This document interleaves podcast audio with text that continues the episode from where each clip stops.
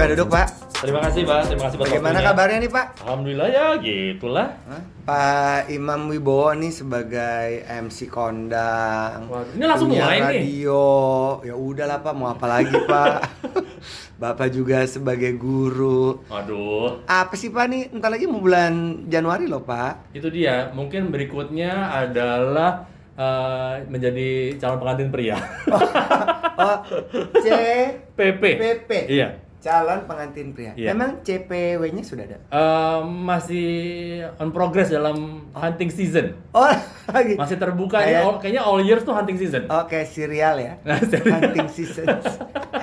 Mam, apa kabar lo? Alhamdulillah baik mas, gila nih tiba-tiba diajakin ngobrol di podcast ini sebuah Iya kan? kehormatan Eh, nih. Iya dong, gue juga malah seneng ada lo tahu. Eh, lo tuh kan juga bikin podcast kan Iya. sama Siska kan? Sama Siska, gue punya dua podcast sih. Waduh, orang kaya. Bukan orang Sibuk sekali ya Mas ya. podcast kan gratis. Oh iya, benar. Bukan orang kaya. Iya, oh iya iya. Iya, iya, Yang gitu. satu apa yang sama Siska? Ya Siska kan eh, kongko bareng, Mm-mm. jadi basically cuma nongkrong sama teman di coffee shop konsep gitu, Ngomongin apa aja? ngobrolin ngomongin ya apa aja sih lifestyle yang lagi happening, lagi hits aja, just just two friends eh, meeting each other, ngobrol santai, udah gitu doang. Oh, kalau durasi biasanya berapa lama? Eh, maksimal 30 menit. Oh, kenapa dijatahin gitu? Capek. Dulu orangnya suka oh, ca oh Capek. pikir karena emang Ka- pengen dihitung aja. Oh, capek. Karena karena waktu awal punya podcast itu kita belajar sama teman-teman yang udah punya podcast sebelumnya. Podcast itu kalau bisa dibikin eh, durasinya itu sepanjang durasi MRT dari Lebak Bulus sampai dengan Bundaran HI. Beneran 30 menit. seriously. Bener. Oh, gitu. Jadi emang di saat kita eh, coba cari di mana orang biasa dengerin podcast di antaranya adalah em- durasi selama naik di MRT itu. Oh deh, oke. Kalau 30 gitu gue menit. 30 menitnya gue kelarin ya. Emang biasa berapa? Dua jam? Enggak, gue tuh kadang-kadang sejam. Wah, gila. Sejam sejam 15 menit tergantung pembicaranya Iya. ngalirnya ke mana gitu, Eh, Mam. tapi kalau Erwin Parengkuan mah beda Oh, kan gila, kontennya. Gila. Ini juga dari tadi gue nggak ada isinya, kita ngaco ngomongnya. Iya, apa adanya. Orang jujur sama zaman sekarang malah Iya, justru yang ditunggu-tunggu. Iya, itu namanya otentik. Iya, itu Daripada dia. orang-orang palsu kan. Wah, waduh, waduh, waduh, waduh. Iya kan? Yes. It- itu kan tadi ya podcast yang pertama. Podcast yang satu lagi apa, Mam? Yang satu lagi eh, namanya Podoae. Oke, itu ajang cari jodoh. Bukan, bukan, bukan. Oh, bukan. Bukan, bukan. Kayaknya lewat podcast yang dua itu kayak masih gagal ya. Oh. Masih belum bisa mencapai objektif itu. Oh gitu. Yang kedua itu Podoae adalah podcast dongeng asal aja. Oh lucu. Itu gara-gara efek pandemi, Mm-mm. kita beberapa teman-teman lulusan sama lah kita alumni Prambors Oh, wow. beberapa teman-teman yang dulu yang dulu pernah bikin eh, scriptwriter sama VO buat zaman dulu ada Opus, Bom Oke, segala oke, macam oke, itu oke. ketemu lagi tiba-tiba ya daripada iseng-iseng kita kalau zaman dulu kan anak-anak eh, radio itu kan emang tukang ngomong sama tukang nyampah ya Mm-mm. ya udah Sama ngumpul- tukang makan. Iya, Sama tukang ngibul. Nah, itu dia tuh. Kemudian ngumpul-ngumpul, kita mikir daripada eh, ngomong kita ngalor ngidul nggak ada faedahnya, mendingan dibikin apa ya? Mm-mm. Akhirnya dibikin podcast dan memang kayak bikin podcast itu kan, tapi lo rame-rame kan emang mesti kayak sama kayak siaran deh, mesti mencari Iya. orang-orang timnya yang se se se iya sekata, Heeh. sejiwa, sepikirannya sama. Akhirnya kita ketemu dengan awalnya niatnya karena beberapa dari mereka, basically mereka semua sudah jadi bapak-bapak ya. Oh. Gua doang yang belum. Oke. Jadi karena bapak-bapak. Kenapa itu selalu diberikan penekanan ya? Enggak itu memang menjadi trademark aja. Oh itu Iya. tagline. Bukan tagline, trademark. Oh, oh, jadi trademark. semua orang jadi tahu gitu loh. Apa pun eh, omongannya itu masih ada, itu jadi trademark aja. Iya. Apa pun namanya juga usaha, Mas, Oh, ya. Iya, iya, iya. Nggak boleh Bener-bener. berhenti Eh, berusaha. Bapak jangan terlalu tinggi nadanya. Oh, iya, sorry, sorry, sorry. Emosi, penuh udah ngomong jodoh, emosi. Oh, iya. eh, sorry, sorry. Jadi yang eh, sama Siska Baker tuh udah cukup lama kayaknya ya. Ba- baru setahun. Eh, no, no. Baru mulai Februari tahun ini. Baru banget. Oke, kalau yang si Podawai Podoy baru baru lebih cepat dong, lebih pendek maksudnya. Lebih pendek baru dua bulan. Oh, lo dapat apa dari situ? Kan gue gue udah setahun loh. Eh gue tuh udah setahun. Gue dari bulan September, you know.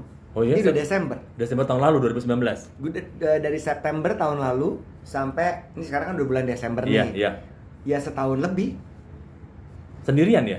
Ya sekarang gila aja. Oh, hebat. Menyalurkan bakat kurang, kurang. Kurang masih ngajar masih kurang juga. Kurang. Wow. Enggak, soalnya emang kalau menurut gue ya, kalau ngajar itu kan udah ada modulnya. Iya. Kita boleh keluar-keluar dikit, balik lagi. Iya. Tapi kalau ini kan gue bisa ngomongin apa aja. Benar. Variety gitu suka-suka gue. Iya, basically kalau emang podcast kan mewakili diri kita sendiri kan, Mm-mm. nggak mewakili kebutuhan orang Iya, ataupun maunya orang. Iya. Ini salah satu kayak jualan your personal brand kan. betul betul. Ya kan. Betul. Jadi kalau selama ini basically awal cuma karena kalau gue sama Siska dulu bikin podcast karena pertama setelah kita jeda siaran, terakhir siaran bareng tahun 2018. Habis itu kita sibuk masing-masing tuh. Mm-mm. Kemudian emang punya kesempatan buat bikin podcast, tapi ternyata bikin podcast tuh nggak mudah bukan karena masalah teknis. Masalah menyatukan Bukan. Eh, bukan masalah konten juga sih. Masalah teknisnya adalah eh, gimana nyatuin eh, waktu, schedule, kemudian sama semangatnya. Oh gitu. Iya, maksudnya moodnya gitu loh. Hmm. Niat dari awal 2019 udah pengen bikin podcast. Ina itu, Ina itu dengan sibukan masing-masing. Gua sama Siska, apalagi dia dengan MC, kemudian anak tiga segala macam, segala urusan ibu-ibu segala Hmm. macam.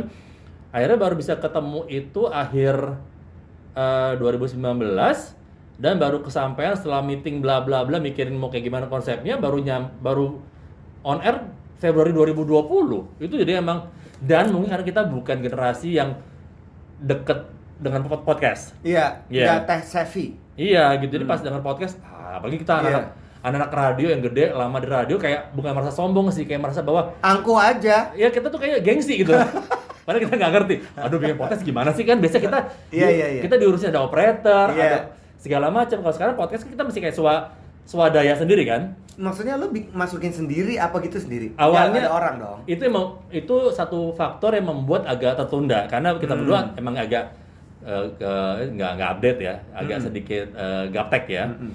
tapi kemudian akhirnya ketemu dengan tim orang-orang yang emang tem- teman-teman yang ternyata yuk kita bantuin ya udah akhirnya dibantu sama mereka jadi secara teknis secara promo mereka yang bantuin Apa Kalau- yang apa yang lo dapetin, Mam? Di podcast. Sama nggak sih sama siaran?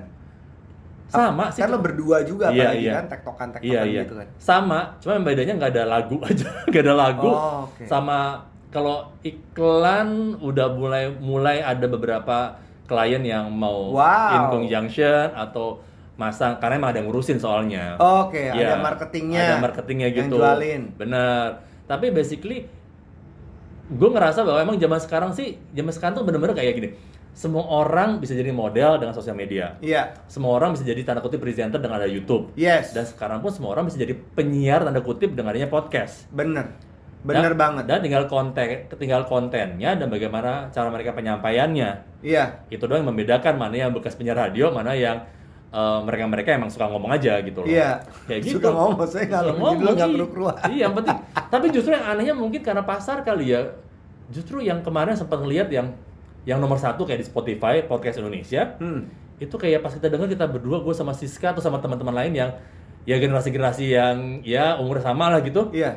kok ini bisa nomor satu ya cuman Hmm. audionya nggak bagus cuman Iya. curhat sendirian Hmm. ngomong sama kucing kemudian curhat dia ngomong soal cinta juga tapi kenapa dia pendengarnya banyak gue kagak gitu loh Iya. bilang ini ada apa dengan market generasi Saat sekarang ini. ya saat ini emang very very challenging sih untuk belajar market saat saat ini kalau masih pengen kita jualan ya Iya. Kalau lo sendiri ngikutin nggak? Kayak kan mereka tiap saat tuh ngasih report. Kan? Yes. Lo baca juga. baca Ah. baca cuman ya itu dia oke. karena eh, gua sama Siska juga mungkin ada kesibukan lain Mm-mm. jadi memang awalnya mungkin karena bikin podcast juga bukan karena kita pengen eksis no eksis mungkin iya biar secara branding kita udah nggak di radio tapi masih bisa mengudara kan Mm-mm.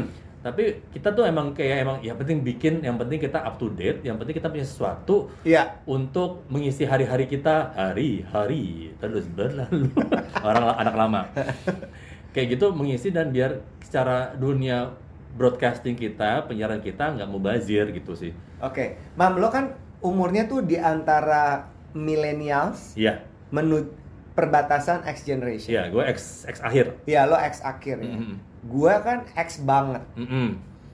ya Lo- kakak ya kakak eh tapi X satu ya. Iya iya iya. tiga iya. bahaya terlalu terang. Oh iya iya. Ya Biasa kan? kalau mau biar agak terang X-nya dua aja lah ya. Oh, dua aja benar. Nah, gue mau nanya, lo ngerasa perbedaan nggak sih anak-anak milenial sekarang gimana menurut lo walaupun lo adalah kakaknya milenial? Iya. Oh. Beda banget apalagi kan gue juga termasuk orang-orang yang sempat kerja dengan mereka-mereka kan bareng-bareng tim di Iya. radio gitu kan sebagai mereka produser produser-produser yang harusnya kalau secara strata birokrasi kan harusnya di atas penyiar ya Mm-mm. cuman Mm-mm, karena mm-mm. kebetulan penyiarnya orang tua anak lama semua produsernya adalah millennials jadi kita tuh kayak bener-bener ngerasain eh, perbedaan generasi antara generasi analog dan digital bukan bener-bener kayak bener kayak ngebalikin kayak bener 180 derajat gitu loh sama-sama ikan satu air asin satu air payau iya gitu Kayak loh gitu. iya benar dan kita bingung ini kayak ujung-ujungnya eh, cara membuat mereka untuk mengerti proses dalam bekerja itu menantang loh hmm. maksudnya Begitu. menantang karena mereka tuh kan cenderung mohon maaf ya tapi cenderung bahwa mereka tuh menganggap eh, bahwa banyak hal itu bisa diraih dengan cukup instan. Iya dan karena, karena, memang eranya ya. Eranya mereka sangat mudah. Mereka lahir sudah megang gadget sudah Betul. megang handphone sudah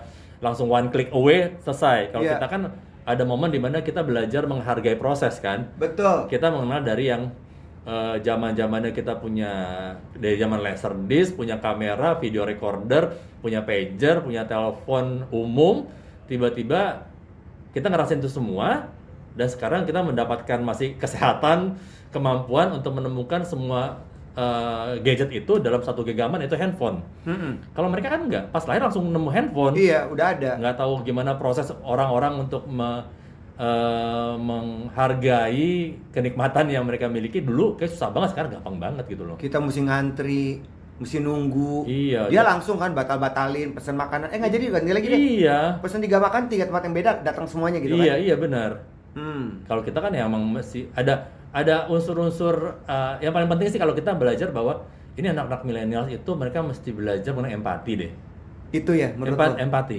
empati maksudnya walaupun lo juga adalah kakaknya milenial Iya, iya. X Iya, lo iya. juga ngerasain hal yang sama ya Iya. jadi nggak cuma gue doang dong Enggak, karena apalagi kalau kalau gue kan emang kebetulan emang itu dia tadi sempat bekerja bareng, kemudian beberapa mantan juga masih milenial. oh jadi jadi kayak ada momen di mana pengen jadi partner tapi ujungnya jadi kayak eh, life coach gitu loh. hmm. Nunjukin yang kayak gini loh, bukan kita gue kan gue sok tua. For Iya. them, gila lo tua banget sih, lo om, om banget sih, orang tua banget lah. Ya enggak loh, masa lo mesti diajari soal tata kerama, how you Yes. appreciate people. tapi kan mereka nggak pernah diajarin di sekolah di rumah mungkin orang tua sibuk Nah, dua-duanya kerja serba salah itu dia kan generasi kita kan ya generasi X juga adalah orang tua orang tua yang benar-benar nampaknya emang mereka mesti mengejar tanda kutip karir karena kehidupan juga very challenging kan. Yes. Jadi kadang anak-anaknya ditambah tiba-tiba anak-anaknya besar di dunia yang tanda kutip dipermudah. Mm-mm.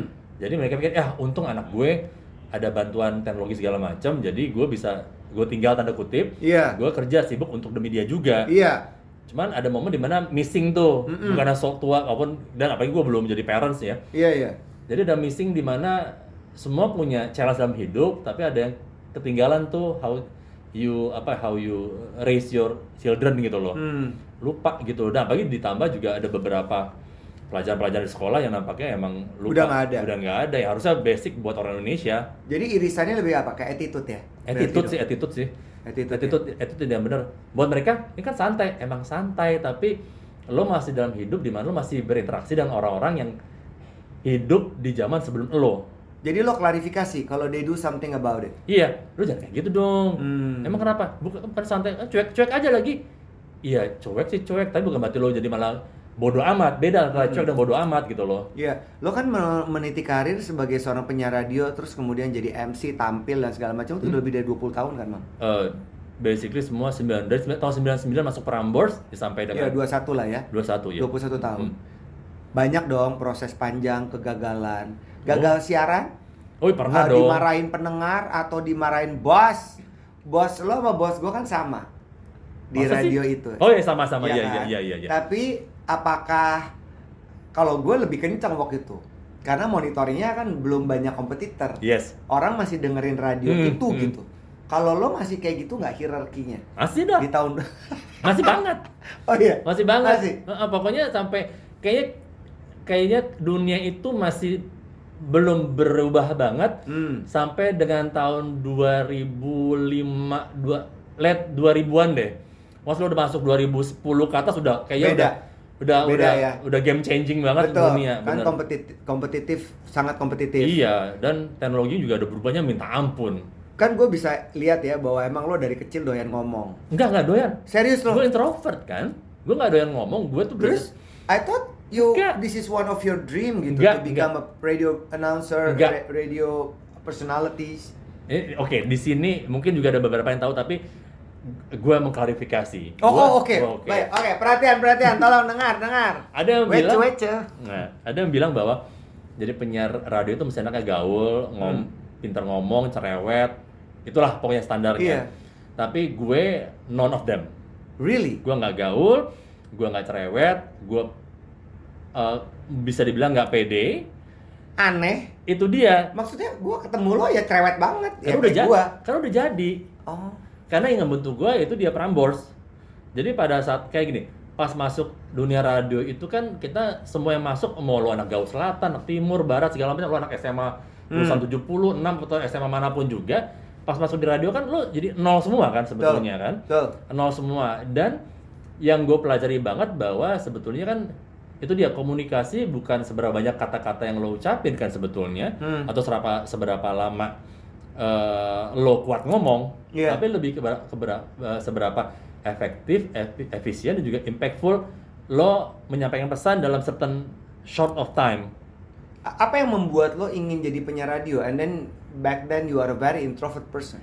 Apa yang Ah. menstimulus lo, men-trigger lo? awalnya itu kan gue memang sebagai seorang introvert itu standar pulang sekolah, pulang kuliah, pulang ke rumah dalam kamar dengan radio, baca buku, Ah. dengan kaset, CD, whatever that's it. Tapi kan lo abang none bukan? Abang None, iya juga sih. Tapi itu Abang kan sebelum abang none. lo. Abang None itu adalah satu momen di mana gue berusaha untuk jadi anak gaul. Oke, Ber- berusaha. Berusaha untuk jadi orang yang lebih terbuka karena waktu Siapa yang push lo? sendirian. Jadi waktu itu gue kuliah Trisakti. Trisakti. Kemudian di Trisakti itu gue berusaha gue itu gini, gue tahun 90-an itu kan kita masih ya masih tanda kutip diskriminasi masih terasa banget ya. Mana yang tanda kutip anak Melayu, mana yang Chinese gitu loh. Misalnya. Nah, gue kan in between kan. Hmm. Muke gue Ci- Chinese, Oriental, tapi gue basically teman-teman gue tuh ya anak selatan, ya basically juga karena gue orang Jawa, tapi kebetulan muka gue Oriental. Masuk ke Trisakti tahun 90-an awal itu kan emang kayak ada segre, seg- apa, apa- Segregation. segregation kan? Yes. Duduk di kelas aja Iya, terbagi iya, dua iya, kan, iya. mana Itu yang kontras sekali. Iya, Tahu. mana yang Chinese, mana yang pinter-pinter, mana yang bandel, orang 70, 82, 3 gitu loh. Iya, iya, iya. Nah, gue bingung di tengah-tengah gitu, tapi Ah. somehow gue pikir ini mungkin challenge buat gue at that moment bahwa gue masih nunjukin bahwa Hmm. eh, kayak kita bisa loh nyambung asal mau terbuka untuk berkomunikasi. Waktu itu Hmm. gue belum belajar soal teori komunikasi karena gue anak ekonomi. Hmm. Gue pikir ini kalau begini gimana mau terjadi sebuah kolaborasi ya Iya. antara dua go- golongan ini kalau Iya. tiba-tiba saling masing-masing Bertahan. hidup- bertahan. Itu pun yang gue pelajari pada saat gue SMA. Gue SMA tuh anak rohis, rohani Islam. Hmm. Anak musola tapi mukanya ting ting ting ting ting ting ting gitu kan. Is is a very very aneh sih. Mukanya kupu panda. Iya, mukanya kumpul panda gitu kan. Sampai ada bilang, "Mam, lu mau alaf ya?" Enggak, emang gue bawaan orok. Tapi lo lihat bahwa sebetulnya di Indonesia itu Iya, iya, orang macam-macam. Betul, betul. Enggak, ini tiba-tiba muslim mukanya mesti orang Jawa semua. Iya, Kalau iya. mukanya putih sipit masih non muslim Iya, enggak. iya, iya. Dan gue mesti menjebatani bahwa kayak gini, ada yang anaknya alim banget di musola, Hmm. ada yang di kelas. Istilahnya Hmm. kalau di kelas itu, di kelas gue anak paling alim, tapi kalau di musola gue adalah anak paling bangor. Hmm. Berarti gue bilang, gila ya, jem- perbedaannya beda banget Iya. nih standarnya. Kenapa So- gitu? Lo di kel- di sekolah alim, Ah, di di- musola paling bangun. Nah, gue nggak tahu, tapi karena di itu di musola itu Apa kayak- karena di sekolah banyak yang lebih powerful? Iya, and lebih you pa- become like yes Cooling down. Di kelas itu kan banyak yang lebih gaul, lebih Hmm. the have segala macam, lebih berani ngomong. Iya. Gue kan sama anak pemalu, pendiam, larinya ke musola mulu gitu Iya. kan, nongkrong di musola. Cari Jadi- cewek. Hah? Cari cewek? Nggak bisa, nggak berani Oh, juga. Oh, iya. iya, oke, oke. Takut lihat lihat mata cewek dibilang zina. Oh iya. Oke oke terus. Kayak gitu. Lari ke musola. Jadi buat mereka mikir, oh imam anak paling alim di kelas. Tapi Hmm. kalau ke musola, Hmm. Beda, Gua- kontras. beda. Gue bisa dibilang gue yang malah mancing mereka ngomong, gue Hmm. mancing-mancing mereka untuk berdiskusi. Berarti bilang, gila berarti emang beda banget nih jembatan antara yang Iya. kalangan ini dengan kalangan satu lagi. Gue Iya. mesti menjembatani gue yang ngajak teman-teman gue ke musola yang membuat juga anak musola juga lu terbuka dong gimana orang Hmm. mau mau bersahabat dengan tanda kutip muslim kalau tiba-tiba lu kayaknya ah anak musola nggak seru nggak gaul loh kita gaul juga loh cuman gaulnya kita tahu batasan Jadi udah jiwa PR sebenarnya ya lo.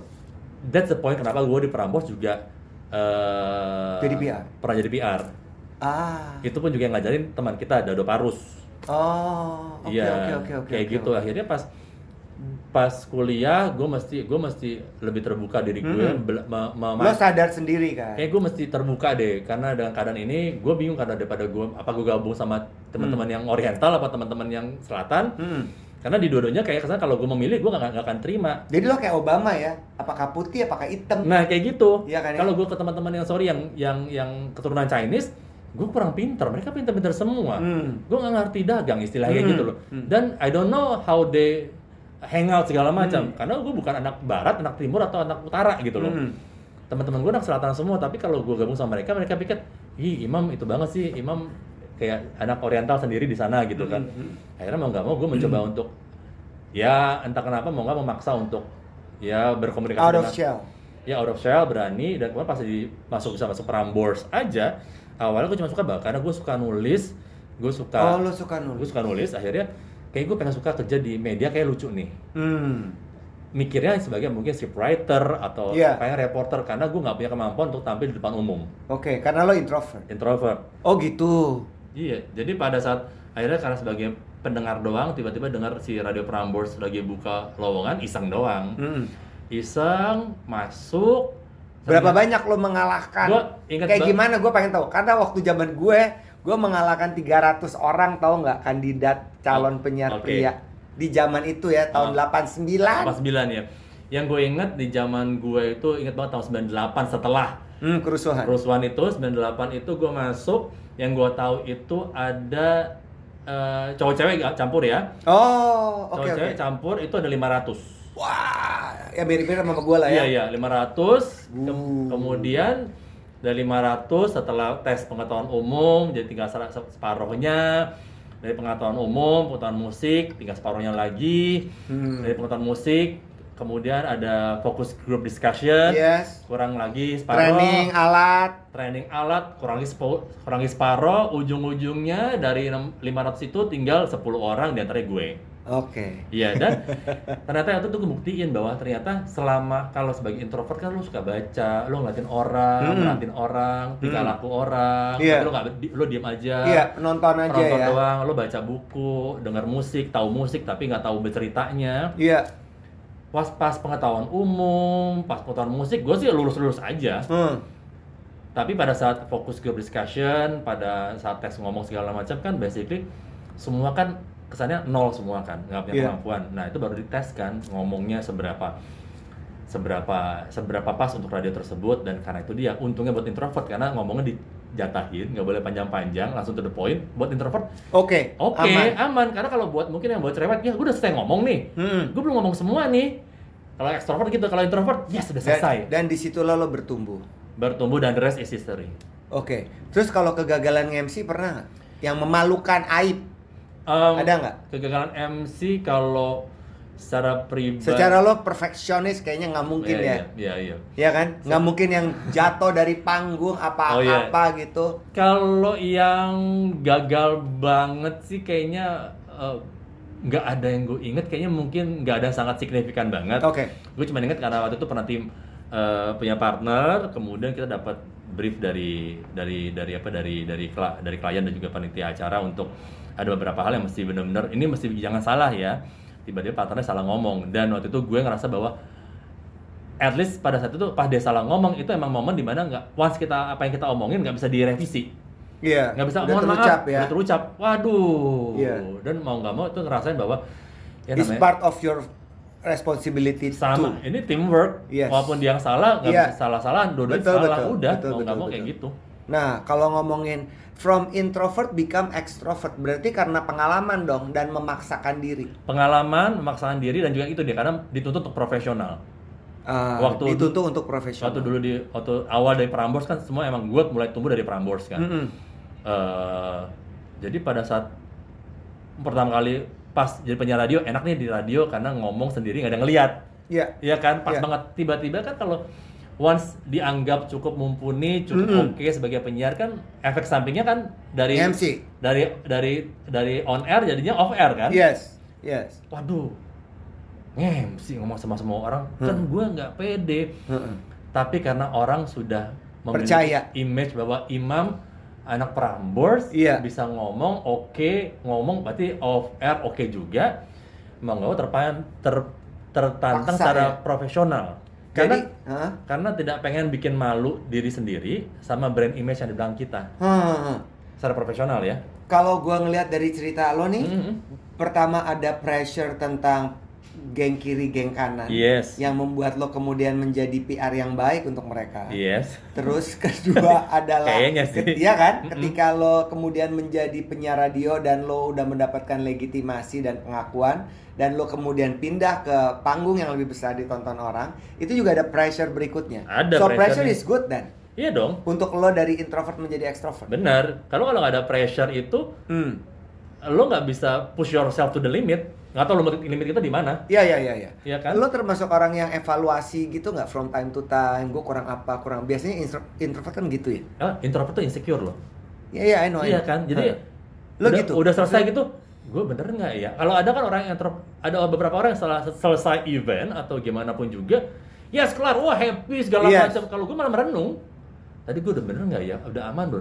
Even even even panitianya atau klien bilangnya oke, ini mereka ngomongnya oke beneran atau mereka hanya lip, Overthinking. atau lip service, either merenung atau overthinking, maybe, mungkin kayak gitu. I think it's overthinking. Mungkin, mungkin. Tapi lo di sisi lain pada saat lo think it over, Mhm. lo mengevaluasi kekuatan lo juga atau justru malah lebih ke that overthinking situation? Eh, lebih ke mana?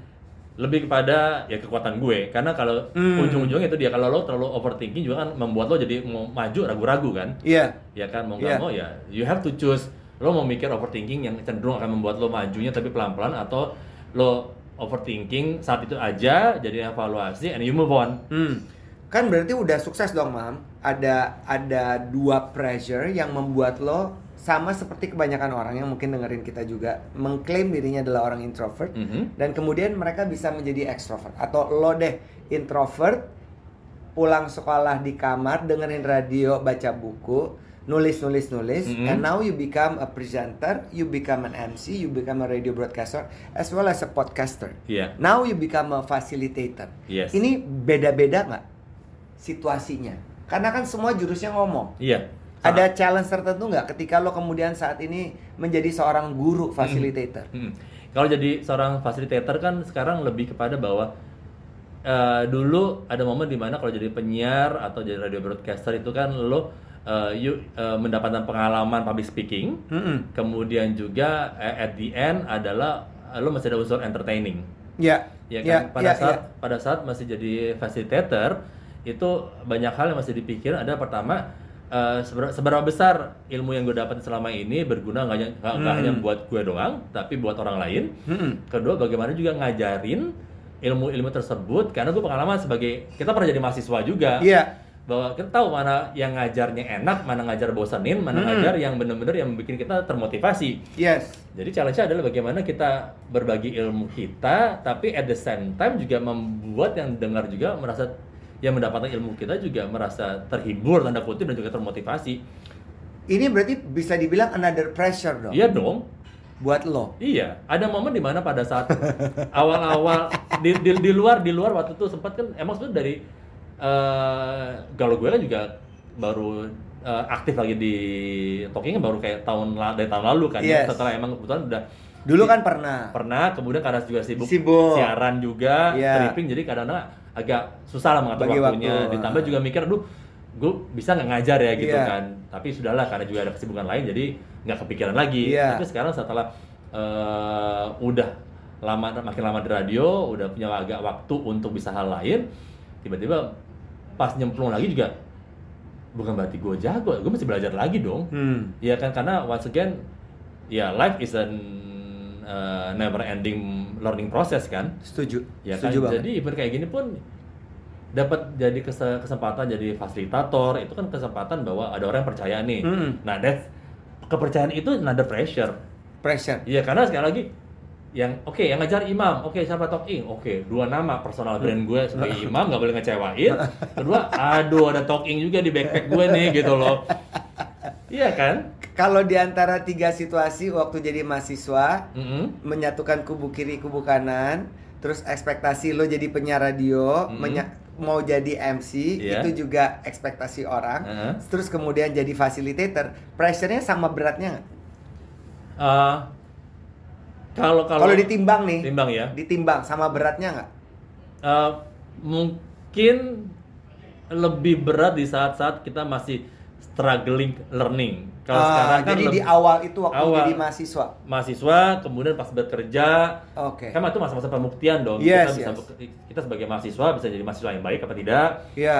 bekerja bisa jadi pekerja yang profesional atau tidak. Iya, belum ketemu patternnya. Patternnya. Itu yang lebih challenging, that Challenging. first pressure. Iya. Kalau ditimbang-timbang ya. Mm. Kalau sekarang kan, ya kalau sekarang emang ada beratnya juga, tapi tidak seberat yang lalu. Iya. Karena sekarang lebih cenderung pada sharing kan. Karena- sharing yang udah kita miliki. Dan lo udah ngelewatin masa-masa yang struggling itu kan, Iya. lo udah ketemu formulanya. Benar, Tinggal benar. lo tajemin tajemin aja kan. Benar, iya. Dan ini kan udah mau akhir tahun nih, Mam. Mm-mm.